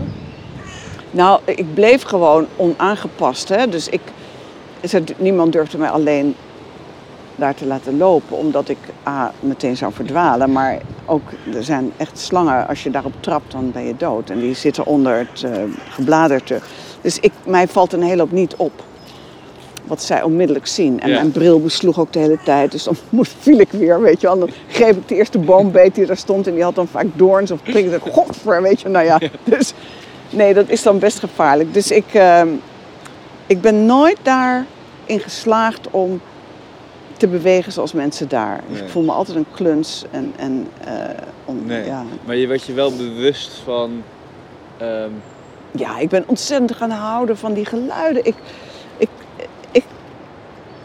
ik versta die vogels niet zoals zij, maar een paar vogels die ik beter heb leren kennen door goed te luisteren. Ja, daarvan raak ik ook diep ontroerd nu. Bijvoorbeeld, die, ehm, er zijn een paar vogels, het zijn duifachtige, en die ehm, hebben hele melancholieke klanken. En ze zeggen altijd, als je alleen in het bos loopt en je hoort die vogel, dan word je ook een beetje triest. Je denkt aan de mensen die ooit bij je waren, maar die er niet meer zijn. En een andere vogel die hoor je altijd s ochtends heel vroeg. Nou, dat is te gek. En ik heb ook echt het gevoel dat die vogel daar voor mij zit, weet je wel. Dus ze hebben een kalender. Dus je hoort die vogel, dan weet je, oh, het is zo laat. Dan hoor je die vogel, ook moet naar huis. En dat is dan heel praktisch. Maar er zijn ook een paar vogels waar je echt, die echt iets zeggen. Wat de ene keer dit is en de andere keer dat. En het is een manier van zijn in de wereld die is ja, anders dan de onze. ja. Maar je snapt dat het daar zo werkt. Omdat mensen, er is niks anders. Dus je bent alleen maar bezig te- je te verstaan met die omgeving. En het gaat natuurlijk van moeder op dochter, van vader op zoon, wordt die kennis doorgegeven. En dat is een onderdeel van mensen hun wereld. Ja. En ik ben bezig om dat, al die ervaring en die kennis in een nieuw soort kaart te zetten. Nou ja, dat is nog een heel, eh, heel gedoe. Maar het is zo fantastisch om... Weet je, sinds ik in Papua ben geweest en in die krater daar... Waar, eh, heb ik het gevoel dat ik weer een nieuw leven ben begonnen. Omdat er weer een ander raam is opengegaan. Weet je, ik ben als het ware weer in een ander konijnenhol gedoken. En in een wereld met andere regels, met andere aannames, andere overtuigingen. En, en dat vind ik het interessante, want wat ik daarvan mee terugneem, is dat ik denk, als mensen daar het bos verstaan, wat voor overtuiging zit daarachter? Wat, wat, wat geloven ze dan? Of wat denken ze? Of hoe, verklaren ze dat? En als wij het bos hier niet verstaan, welke overtuiging hebben wij dan? Waardoor wij dat niet, die taal niet verstaan. Want dat bos, dat lult hier natuurlijk ook. ja, dat gaat lekker los, ja. En dat vind ik dan, ja, dat vind ik gewoon geweldig. Dus ik heb geen missie in de zin van Nee. iedereen moet dit of dat geloven. Maar ik, ik geniet van een beetje provoceren en, Ja. en ehm, dingen die iedereen vanzelfsprekend vindt ter discussie stellen. Ja. Op een speelse manier. Maar je zou toch ook iedereen gunnen, en ik zou het mezelf ook gunnen, eh, als ik naar je luister, om... Want er zit iets tragisch natuurlijk in elkaars taal niet spreken. Ja, En dat je elkaar gewoon niet, dat je elkaar heel moeilijk kan vinden. ja, En ineens hoor ik al die vogels om me heen. En dan denk ik, nou, die zitten gewoon allemaal te kwetteren Ja. en met me te praten. ja, Maar ik begrijp er helemaal niks van. Ja. En daarmee is er dus ook een behoorlijke afstand. En misschien kan je dat wel verder brengen en zeggen, nou, het gaat niet alleen om vogels. Het gaat misschien ook wel om, om, om, om een boom. Hè, in het begin zei Ja, je, ze, ze, ja. ze zijn eigenlijk misschien wel aan het, eh, nee, niet letterlijk, maar je kan het ook zien alsof ze naar je aan het zwaaien zijn. En ze zijn zich bewust van onze aanwezigheid. Ja. Maar omgedraaid is het bijna niet zo. Nee, het leuke is, ik heb, eh, heb ook wel eens, je kunt die, die sapstromen die in, in bomen plaatsvinden, die kun je ook horen, soms met een goede stethoscoop bijvoorbeeld. En dat doet al een hele hoop, want dat is gewoon een fy- fysisch proces, maar je, je kan het horen. En dan denk je, ach, die boom is gewoon aan het werk, weet je wel. Of die is eh, water in en weer aan het stromen, maar ook die huidmondjes die open en dicht gaan. Er zijn zoveel processen eh, gewoon gaande die, die boeiend zijn om, eh, om daarvan te weten. Maar ook, ja, stel je maar voor dat die bomen naar je zwaaien, why not, weet je. Het is, Ja. is toch Ja. iets, eh, vriendelijks. En bovendien, de, de dingen om ons heen hebben ook gewoon recht van bestaan. Wij zien het vaak als het moet nuttig zijn. Of als die boom in de weg staat, nou dan hakken we die weg. Zetten we ergens anders een ander boompje neer. Maar dat is toch niet hetzelfde. Die boom heeft daar wel tientallen jaren zijn wortels in de grond gezet. Die heeft hè, verbindingen is hij aangegaan met andere bomen soms. En, want het is een heel ecosysteem van vogels die daarin zitten en insecten. En bedoel, waar haal je het recht vandaan om dat zomaar even Ja? weg te gooien? Dus op het moment dat je dat niet alleen maar ziet als een ding, Ja.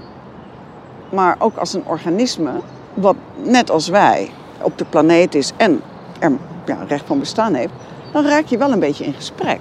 Ja. En Misschien gaat die boom dan alsnog om, maar ik, naar mijn idee, als je een verbinding aangaat met de wereld om je heen, zullen mensen toch wel andere be- beslissingen nemen. Omdat je, daar ga je van houden van dingen. Ja. Ja. Klinkt heel simplistisch, maar het is echt zo. Nu wij elkaar hebben leren kennen in dat korte uur, zou ik het toch erger vinden als jij overreden werd dan iemand die ik niet ken. Weet je wel, dat is heel simpel. Ja. Ja. Je, je, je, En je verbindt je. je verbindt je. Ja, en dat, dat voegt waarde toe. Ja. Ja. Ik vind het wel mooi, en misschien ook om af te sluiten voordat we weer de stad ingaan. Ehm, wat je vertelt, hè, nou, dat woord is vaak voorbij gekomen, maar het gaat ook om elkaar begrijpen. Hè, taal is een vorm om elkaar te begrijpen. En hoe rijker die taal is, hoe dichter je misschien bij een bepaald begrip komt. Ja. En tegelijkertijd is misschien wel de echte ervaring en het echte begrip ehm, woordeloos. Ben ik helemaal met je eens. Dan, dan gaat het om luisteren. Ja, Met aandacht. En dan luisteren in eh, figuratieve zin en, en letterlijke zin. Hè? Ja. Dus je, met je oren, maar gewoon er zijn. En zonder eh, doel de ander in je, in je opnemen of observeren of zo. En ik denk dat daar dan eh, dingen overgedragen worden die je niet in woorden kan vatten. En dat is op zich genoeg tot er besluiten genomen moeten worden. Dat is een beetje mijn dingetje. Maar ja. eh, je hebt helemaal gelijk. Maar voordat dat besluit dan genomen moet worden, zou je met mij ehm, dat even willen, even willen gaan luisteren. Nu. Ja, Ja, en ik, ik weet niet, ik heb ergens die plek. Ik heb kies jij maar een plek. veel. Ja, En ik hou ook van eh, een uitzicht en iets met licht. ja. Ik dacht, als we nou aan het water gaan staan. En wat al die woorden niet kunnen zeggen. Ja. Eens kijken of die stilte dat misschien dichterbij komt. Ja, ik ga even hier met mijn rug tegen die boom. Op mijn knieën. Dat is voor mij een goede positie.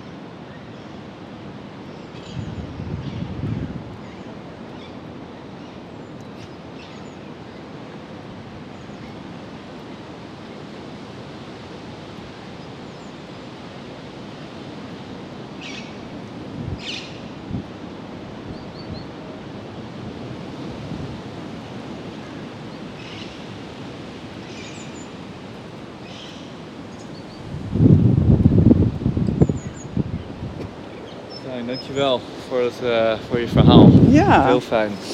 Ik zal hem even, oh ja, ik zal hem even uitzetten.